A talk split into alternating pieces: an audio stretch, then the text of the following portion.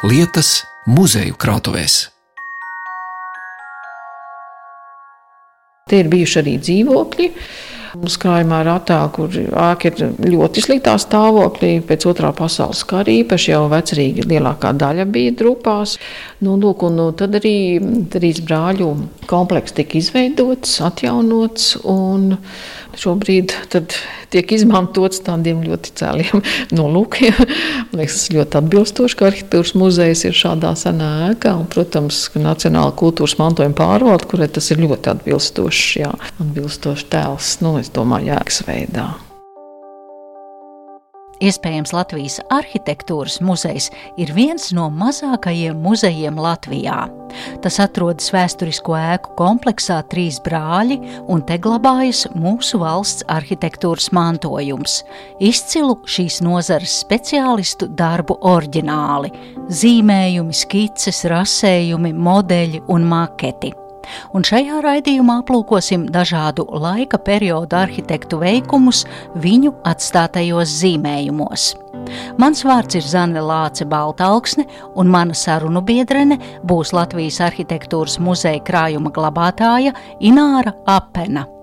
Bet pirms iepazīstam izcilā Rīgas pilsētas galvenā būvmeistara Kristofa Hāberlanda radīto projektu Ikšķilas muižai, arhitekta Aleksandra Birzenieka skici Laimas pulkstenim un multimākslinieku un diplomēta arhitekta Hardija Lediņa vīziju par Daugavas kreisā krasta panorāmu, piedāvāju nelielu ieskatu pašā muzeja ēkā vienīgajā izstāžu zālē, kur redzamas šī nama vēsturiskās detaļas. Par to stāsta Ināra Apena. Mēs esam neliels muzejs un dibināts 1994. gadā. Un pirmā izstāde mums notika 1995. gadā, līdz ar to var teikt, ka muzejs ir tāds jauns. Muzejs atrodas uh, vecākajā dzīvojamā ēkā Rīgā. Un tā vēstures aizsākumi jau ir no 15. gadsimta beigām. Muzejam ir viena izstāžu zāle. Ir piebilst, ka muzeja apmeklējums ir bez maksas. Tā kā var nākt un droši skatīt darba dienās, mēs esam atvērti. Ir eksponētas senas būvdetaļas. Viens no tādām interesantākām ir tie divi piedurju akmeņi. Tā tā tā divi piedurvju akmeņi. Viņi kādu laiku tieši šis, jā, kreisā pusē, kur ir tas galskaus sakrustotie kauli, ir izmantots kā kapakmens. Uz viena tad ir um, Marija ar bērnu, un uz otru svētais jūras cīņā ar pūķi. Tie ir tādi ļoti lieli akmeņi. Piedori akmeņu funkcijā viduslaikos bija kā tāda īpašnieka zīme pazīšanās. Arī ēkas ārpusē ir um, pie pakāpieniem abās pusēs soli, un viņu galā ir šīs akmens tēles ar um, zīmēm. Tad piedurvju akmens mēs runājam par 15. un 16. gadsimta Rīgu, un tad šādu smagu akmeni apstrādātu, kas atgādina kapakmeni, cilvēki lika sev ārpusē pie mājām. Nu, ne visām. Protams, lielām, pārtikušām, amatnieku, turīgu īpašnieku. Šādi divi lieli piedurļu akmeņi ir arī pie Melngāla. Melngāla fasādē arī var redzēt piedurļu akmeņus. Viņi bija sastopami daudzās pilsētās tajā laikā. Tā bija tāda. Nu, tāds vides objekts, var teikt, mūsdienu izpratnē. Tas piederējās pie ēkas kopskata, pie koptēla. Tad šo solu galos bija tādi pieturju akmeņi. Bet um, šis jā, vienu laiku ir atradies izmantots kā kapakmens. Tas ir jaunās Marijas un, un, un, un Jēzus bērns. Bet kāpēc apakšā jā, tur tas uh, galvaskaus un sakrustotie? Kauli? Tāpēc, ka tas ir bijis kā kapa piemineklis. Acīm redzot, tā, šī daļa ir nokauta nost, jo viņš noteikti bijis cilnis līdz pašai apakšai, bet tur ir pat saglabājies uzraksts. Jā. Nu, kāds ir tādos ekonomijas nolūkos paņēmis jau gatavu šādu akmeni ar atbilstošu tēmu un, un izmantojis kapos. Tad, tad tas galvaskos parādījās vēlāk. Sākotnēji te bija jaunā Marija ar Jēzus bērnu, un šeit bija svētais jūras, kurš cīnās ar pūķu. Varēja būt arī ļoti vienkārši piedurļu akmeņi. Jo mazāk māja, jo mazāks akmens. Jo, jo lielāka ēka, jo lielāka piedurļu akmeņi. Jā, nu tas būtībā tāds sola gals, dekoratīvs sola gals.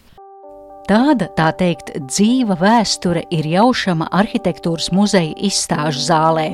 Bet nu pārceļamies uz muzeja speciālistu darba telpu, kur Ināra Apena ceļ priekšā pirmo un vienu no senākajām krājuma pērlēm Cilvēka, kurš ir projektējis Katla kalna baznīcu, Lutāņu dievnamu Alūksnē, Rīgas pilsētas teātri, tagadējo Vāgnera namu, Rīgas biblioteku, kur tagad atrodas Rīgas vēstures un kuģniecības muzeja kolonu zāle. Tās ir ēkas, kas saglabājušas to projektētāja Kristofa Hāberlanda pieskārienu bet muzejā glabājas šī vācu baltu arhitekta zīmējums Ikšķilis mūžai. Kristofs Haberlands bija būtībā pirmais pilsētas galvenais arhitekts kas bija dzimis Rīgā, studējis Vācijā, un kad atgriezās 1777. gadā Rīgā, tad nolika mūrnieku meistaru eksāmenu tika uzņemts mūrnieks universitātē un ieguva Rīgas pilsoņu tiesības. Un nākamā gadā kļuva par Rīgas galveno būvmeistaru, par būvmeistaru palīgu sākotnēji. Un uh, pēc tam jau 1789. gadā kļuva par pilsētas galveno arhitektu. Viņa veikums ir ļoti liels un nozīmīgs. Būtībā viņš ir pirmais, kas Rīgā uzsāka, radīja šo jauno moderno Rīgu atbilstoši apgaismības laikmeta tendencēm. Savā sēkās viņš ienes tādas geometriskas proporcionēšanas metodes, apvienots ar tādu konsekventu klasicisma stila fasāžu dekoru. Un pēc viņa projektiem ir vairāk kā 20 dzīvojamās ēkas, būvēta Rīgas pilsētas biblioteka, ir notikušas Rācinama un Melngauna nama arhitektūras izmaiņas. Un tāda vēl viena nozīmīga ēka, kas ir saglabājusies ne tikai Rīgā, bet arī ārpus pilsētas, Tā ir um, Ikšķiras mūža, kas ir šis mūsu krājuma zīmējums. Tā piederēja Fittinghofu dzimtai un tika uzbūvēta 1794. gadā, bet diemžēl gāja bojā Pirmā pasaules kara laikā. Vēl no viņa tādām īpaši pieminamām ēkām būtu Katla kalna baznīca ar šo raksturīgo apaļo kupolu. Bet tad jums ir tas dārgums saglabājies? Jā, lūk, šāds viņš izskatās. Ikšķilas mūžiņa. Kur tad to laik, ja mums tagad jāiedomājas mūsdienu ikšķila, kur tā mūža atradās? Kā to var nezināt? Ikšķils iedzīvotāji. Es domāju, teiks. ka ikšķilieši zina. Es ceru, mm -hmm. ka mhm. viņi zina. Man ar ikšķilu nav tiešām Jā. tāda saistība, nezinu. Bet šeit, lūk, tiešām ir skaidri redzams viņa paraksts un datums. 1792. Kristof Haberland. Būtībā tā ir skice, tā ir fasādes skice. Apakšā ir plāns, būtībā tehniskais zīmējums pēc šī projekta. Tad ēka nu, tika būvēta. Droši vien, ka bija vēl daļas. Šis tikai viens saglabājies zīmējums, jo noteikti būtu jābūt šķērsgriezumam un novietnes plānam. Ēkas būvniecībā ir svarīgs plāns, fasādes, griezums. Tās ir tās pamatlietas, projektējot kādu ēku. Tā bija sākotnēji, Habelāna laikos bija tieši tā. Mūsdienās tas ir izaudzis līdz vairākiem sējumiem. Bet, kad skatās senos projektus, tad uz vienas lapas tas viss ir uzzīmēts, plāns, griezums, fasādes, novietne, un, un tad būvmeistars ņem un uzceļ šo ēku. Tā mēs skatāmies uz tādu man domātu nelielu, kompaktu. Nu, tāds ļoti izolēts, eh, nepretenciozs, tam laikam atbilstošs nams, turīgi cilvēka. Jā, nu viss ir atkarīgs, protams, no materiāliem un kvalitātes, kā viņš tika uzbūvēts, bet jā, nu, tas mm. ir tāda vērtīgākā mūsu krājuma pērle, viena no senākajām. Pēc ieraksta pārlūkoju internetā rodamo informāciju un atrodu, ka Līga Landsberga blogu vietnē Manas vietas ir ierakstījusi, ka tagad Ikšķilas mūžas vieta atrodas zem ūdens apmēram starp Danču krogu Rīgas ielā 41 un vecās baznīcas drupām. Šī ēka ir bijusi viena no lielākajām un senākajām Rīgas apriņķa mūžām. Skatot tālāk informāciju par Kristofu Hāberlandu, atrodu pirms 53 gadiem publicētu rakstu laikrakstā Literatūra un māksla. Vairumam Haberlanda celto ēku ir trīs ar pus stāvu. Dažkārt ir arī izbūvēts mansardas stāvs. Ornamenti ir zaudējuši kādreizējo precizitāti un svaigumu, jo ēku fasādes pagājušajos gadsimtos ir daudzreiz pārkrāsotas. Līdz lielajam tēvijas karam vecrīgā bija aptuveni 30 Haberlanda celto dzīvojamo namu. Citāta beigas. Šī raksta autors ir A. Birzenieks, un tieši par viņu ir nākamais stāsts. Aleksandrs Birzenieks, projektu autors dzintaru koncertu zālei, brāļu kapiem un vairākām dziesmu svētku estrādēm Pirmās Latvijas brīvvalsts laikā un arī dzēna Aleksandra Birzenieka darbu kontā ir skice tagadējam laimas pulkstenim, tolaik pagājušā gadsimta 30. gadu sākumā tas reklamēja saldumu ražotāju Rigert. Viens tāds ļoti interesants mums likās laimas pulksteņa skice. Līdz šim nekur nav publicēts un parādījušās ziņas, ka tieši Aleksandrs Birzenieks ir skicējis, bet mūsu krājumā atrodas šāda viņa skice tie 30. gadi. Šis uh, vēsturiskais uzraksts Rigert, kas bija laimes pulkstenim pirms uzraksta laima. Vēsturiski mēs skatījāmies, kā tas ir, kurā laikā tapis. Nu, pulkstenis tajā vietā ir bijis jau no 20. gadiem. Un 34. Uh, gadā, tad esot pirmo reizi parādījies šis uh, reklāmas uzraksts Rigert. Un pēc tam mēs arī spriedām, ka tas ir šis Aleksandra Birzanieka oriģinālais zīmējums, pēc kura ir tapusi šī Rigerta reklāma. Viņš, protams, skicē izstāsta savādāk, viņš ir tāds uz leju sašaurināts, bet droši vien, ka konstruktīvi grūtāk tādu uztaisīt, un tāpēc ir izvēlēts šis nu, tāds vienlaidis vienkāršs tāds stabveida pamatne pašam pulkstenim.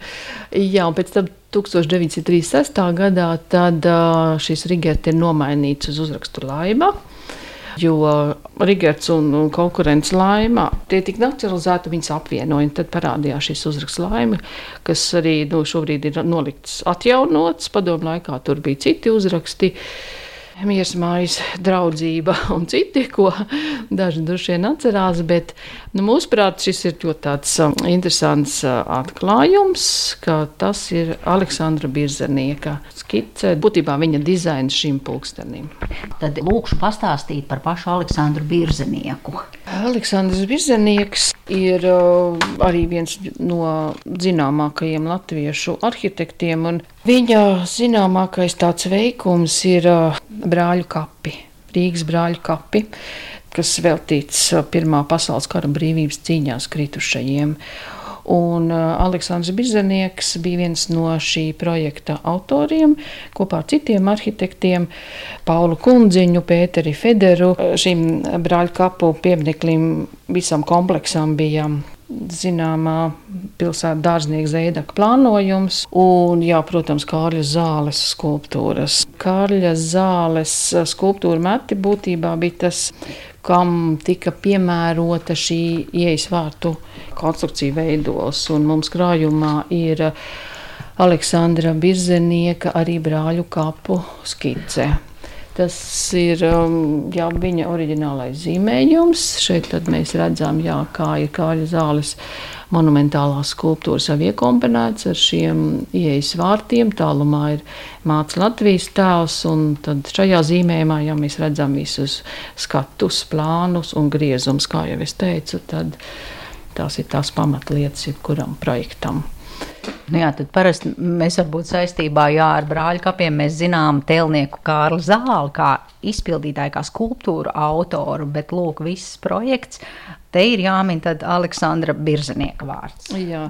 Aleksandrs Birzenieks savā atmiņā norāda, es citēšu, ka 1924. gadā brāļu kapu komiteja uzdeva man izstrādāt arhitektonisko formu skulptora Kāļa zāles tēliem un uzņemties brāļu kapu būvdarbu vadību. Blakus tektoniskām problēmām nācās risināt dažādus organizatoriskus jautājumus. Man sabiedrotais pret dažkārt ietiepīgo tēlnieku bija pilsētas dārza direktors Andrejs Zeidaks. Tā kā Aleksandrs Bizanieks ir līdzdarbojies šo brāļu kapu tēla izveidē.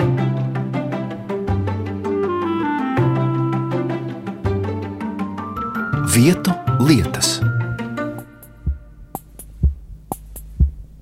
Ciku caku caurā tumba, kāpēc gan tik caurā tu, kur tu ņēmi caurā tumba tādu lielu caurumu?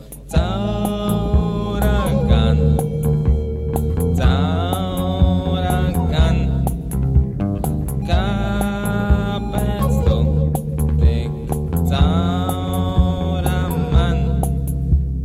Šī dziesma pagājušā gadsimta 80. gadu otrajā pusē bija viens no pašmāju hitiem diskotēkās. Un kā nu ne, ja viens no dziesmas autoriem bija tolaik populārs DJs Hardijs Lediņš.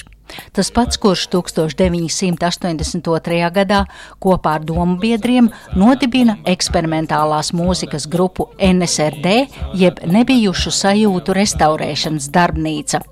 Plašāk zināms kā avangardisks mūziķis un mākslinieks, bet Hardijs Letiņš bija arī diplomēts arhitekts, un par viņa darbību šajā jomā liecina Latvijas arhitektūras muzeja darba telpās pie sienas ierāmēts krāsains zīmējums tapis 1984. gadā, un tā nosaukums - Zilā līča māja.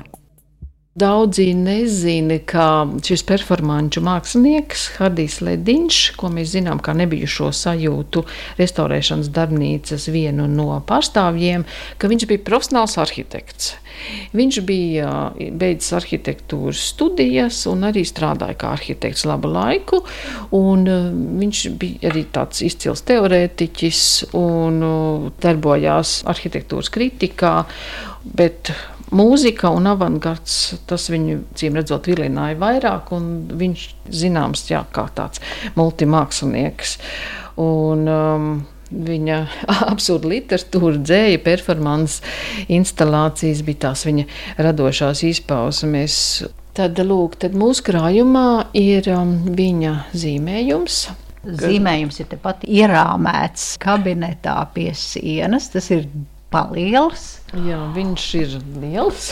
viņš ir aptuveni metrs reizes 80, ja es pareizi atceros. Un tas ir tādā būtībā vīzija, tāda utopiskā arhitektūra. Ir teksts, tā ir um, Lorijas Andersons dziesma, kas ir iztulkota, kas saucās Zilā lagūna. Uz um, darba ir arī viss teksts. Jā. Saņēmu tavu vēstuli, liels paldies. Man tiek daudz saules un daudz miera. Ir ļoti karsts. Dienās es nirstu dzelmē, kur guļ nogrimušais kuģis. Naktīs es peldos zilajā līcī. Ar vienu mēdzu domāt par to, kurš gan tas būtu braucējis man līdz uz vientuļo salu.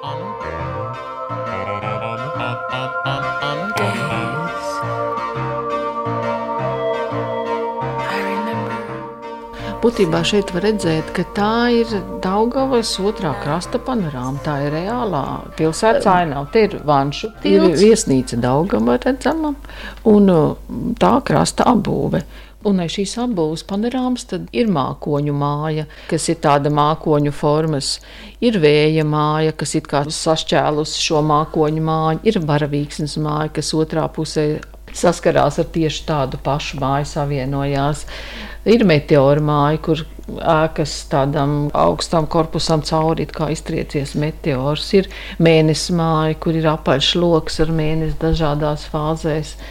Un pašā centrā ir zilā līča māja, zils tā kā ūdens, tā kā kupols ar karogu. Tad ir gājputnu māja, kas man liekas ļoti interesanti, jo Viņš to tēlu veido tādas, nu, kā zīmē, mazi bērni zīmē gājput, nu, tādus, tādus ķeksīšus. Jā, jā tādi kāsīši, tādi vēburtiņi, jā. Jā, tie kāsīši, tie vēburtiņi viens blakus otram un, un tādas taisnas, taisnās līnijās. Zibens māja, kur šo apjomu ir sašķēlis tā kā zibens. Un, jā, un tad ir um, zilā līča māja, kas ir uh, uz tādas tā kā salas, uzzīmēts ar palmām, ir uzzīmēta mājas novietne, un tur ir kur kiosks un toaletu un nogrimušais kuģis blakus. Nu, tāda fantāziju bilde. Un uh, šis darbs ir vairāk kārtas, mēs viņu esam deponējuši uz Venecijas bienāli. Pagājušā gadā mēs arī deponējām viņu uz Igauniju, kur bija tādai nerealizētai utopiskai arhitektūrai veltīta izstāde. Tā kā šis darbs ir daudz ceļojis un ir ļoti populārs.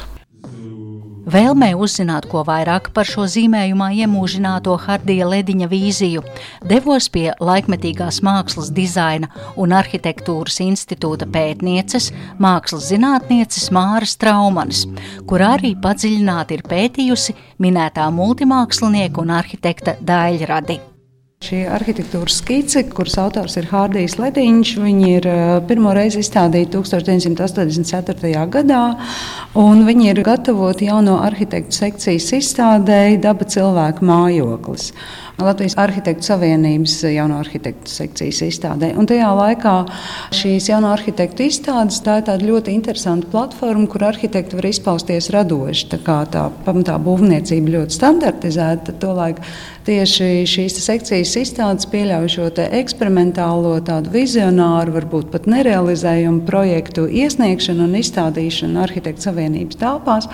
Un, tad šis ir viens no šiem izstādes darbiem, kas parāda nevis kaut kādu tādu reālu būvprojektu vai kādu reālu ieceru, bet kas drīzāk ir tāda spēlēšanās un tāda konceptuāla norāde par to, kā varētu izstīties postmodernisms Rīgas pilsētas telpā, Rīgas kreisā krasta apbūvē. Nu, tad mēs runājam par utopiju. Savā ziņā jā, bet jāņem vērā, ka uh, Hardijs Lediņš tajā brīdī jau strādā kā arhitektūras teorētiķis un vienlaicīgi arī, protams, kopā ar grupu savā grupā nebija sajūta restaurēšanas darbnīca.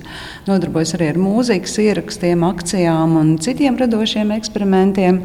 Un šajā brīdī viņš un viņa domu biedri, tā skaitā Imants Žodžēks un arī Juris Boiko, ir ļoti fascinēti ar šo jauno postmodernismu teoriju, kas 80. gadu sākumā ienāk Latvijā, un arī ārvalstu arhitektu praksi. Un tā kā šo planšetu var uzskatīt kā savā ziņā tādu manifestu, kā iedzīvināt šo postmodernismu Latvijā. Un, protams, viņai ir gan šis kaut kāds ļoti poētisks un tāds um, spēļu un tāds fantāzijas raksturs, bet no otras puses tas arī ir diezgan kritisks darbs attiecībā uz šo arhitektūras attīstību tobrīd Latvijā, uz padomi teiksim, šo modernismu standartizāciju, kur visas mājas izskatās līdzīgi. Te Lenīčs mēģinājis ieviest šo daudzveidību, sasaisti ar vietas specifiku, kaut kādu spēli ar dažādiem dabas elementiem, vēja māja, meteora māja, mēnesis māja, kā ienesot tēlainību un kaut kādu poētiku pilsētā. Vai ir zināms, kāpēc tieši šis Lorijas Andersons teksts tur ir uzrakstīts? Kā zināms, Hādijs Lediņš darbojas gan kā dīdžejs, gan kā mūzikas autors, gan kā nebija sajūtu restaurēšanas darbnīcas dibinātājs. Tā kā šī sakams starp mūziku un arhitektūru ir bijusi ļoti cieša. Un, piemēram, viņam ir viens raksts nedaudz par mūziku, bet vairāk par māju, kurā tā skan, kur viņš jau spēlējās ar šīm asociācijām, kas mūsu dzīvē ir ļoti klātesoša. No vienas puses tā ir mūzika, kas skan mums visapkārt, bet kas notiek, ja atslēdz elektrību, kura mākslas forma tādā gadījumā paliek mums acu priekšā, un tā, protams, ir arhitektūra, kas saglabājās. Nu, šī spēle starp teiksim, postmodernismu, jaunā viļņa estētiku, populārajā kultūrā un mūzikā Un arī šo ekspresiju arhitektūrā un tīpaši dizainā viņa šim NSD domu biedru lokam ļoti svarīga tajā brīdī.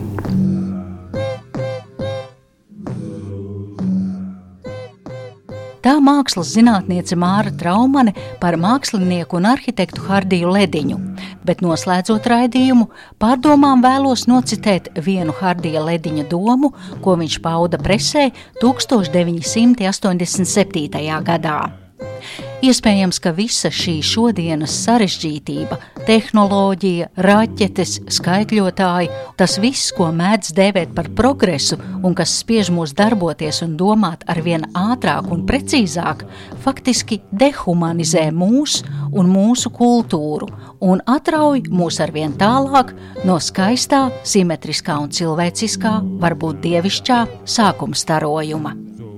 Ar to arī skan raidījums, kurā ar Latvijas arhitektūras muzeja krājuma vērtībām mūs iepazīstināja šī muzeja krājuma speciāliste Ināra Apena. Raidījumu veidoja Zane Lāce Baltalksne. Vietu lietas.